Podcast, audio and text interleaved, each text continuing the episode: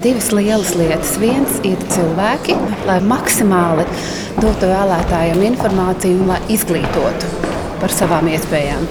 Otrs ir mani darbinieki, mana komanda, kas noteikti būs. Jo es domāju, ka viss darbs būs tik labs kā komanda. Un komandas arī gribētu vēl teikt tālāk, kas ir visa saima, visi tie deputāti šodien, kas deva savus solījumus atbalstīt darbu, lai tas notiktu. Jums līdz šim nav bijusi pieredze valsts pārvaldes iestādēs eh, un vēlēšanu organizēšanā. Jūs reiķināties, ka kopā ar saimnes deputātu atbalstu un cerams arī ar finanšu ministrijas naudas maku atbalstu ar šīm grūtībām spēsiet tikt galā. Viena lieta, jā, valsts pārvaldē, kā es ļoti atklāti teikusi, es strādājusi nesmu, bet man ir bijusi gadu gadiem cieša sadarbība ar ministrijām, ar valsts iestādēm. Bet, manuprāt, tā lieta, ko es visvairāk varu pienest, ir, ka mana specialitāte sabiedrībā ir tieši šo krīžu pārvarēšana.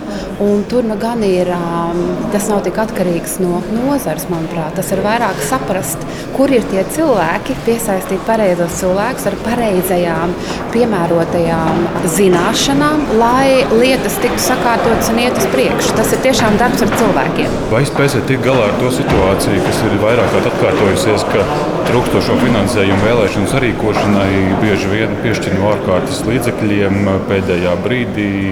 Nu, vēlēšanas nav ārkārtas gadījums. Vēlēšanas ir ļoti paredzams gadījums. Mums ir pat specifiski datumi. Mums nav tikai viens vēlēšanas. Es noteikti negribētu uzskatīt to, ka ir jāgaida vai jāsatraucās tik tālu, ka ūdens smējās mutē. Tajā brīdī noteikti pie pareizā moduļa izvēles, kāda tā būs, kā mēs kopīgi nāksim un domāsim, mēs noteikti prasīsim kapacitātes stiprināšanu par to visi var būt pilnīgi droši, bet mēs kopīgi izdomāsim un izstrādāsim, kas tas tieši tāds būs. Tā skatīsimies gan uz darbinieku atalgojumu, vai mums ir pareizie cilvēki piesaistīti. Tāpat tās arī komisijas locekļi. Kāds ir katra komisijas locekļa pienesums, jo viņi jau nav tikai ievēlēti, atnākt un pasēdēt, vai ne?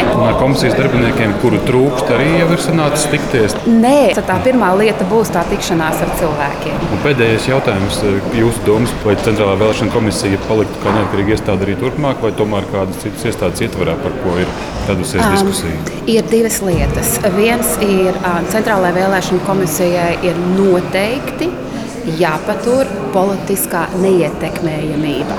Proti, ka mēs esam visiem vēlētājiem, neatkarīgi no viņu vērtībām, no viņu pieredzes, mēs esam tur, lai nodrošinātu, ka notiek demokrātiskas vēlēšanas. Jā, un, protams, kad trūkst šī balss, netiek sadzirdēta, paceļ jautājumu, vai CVK vajadzētu kādu sadarbības partneri.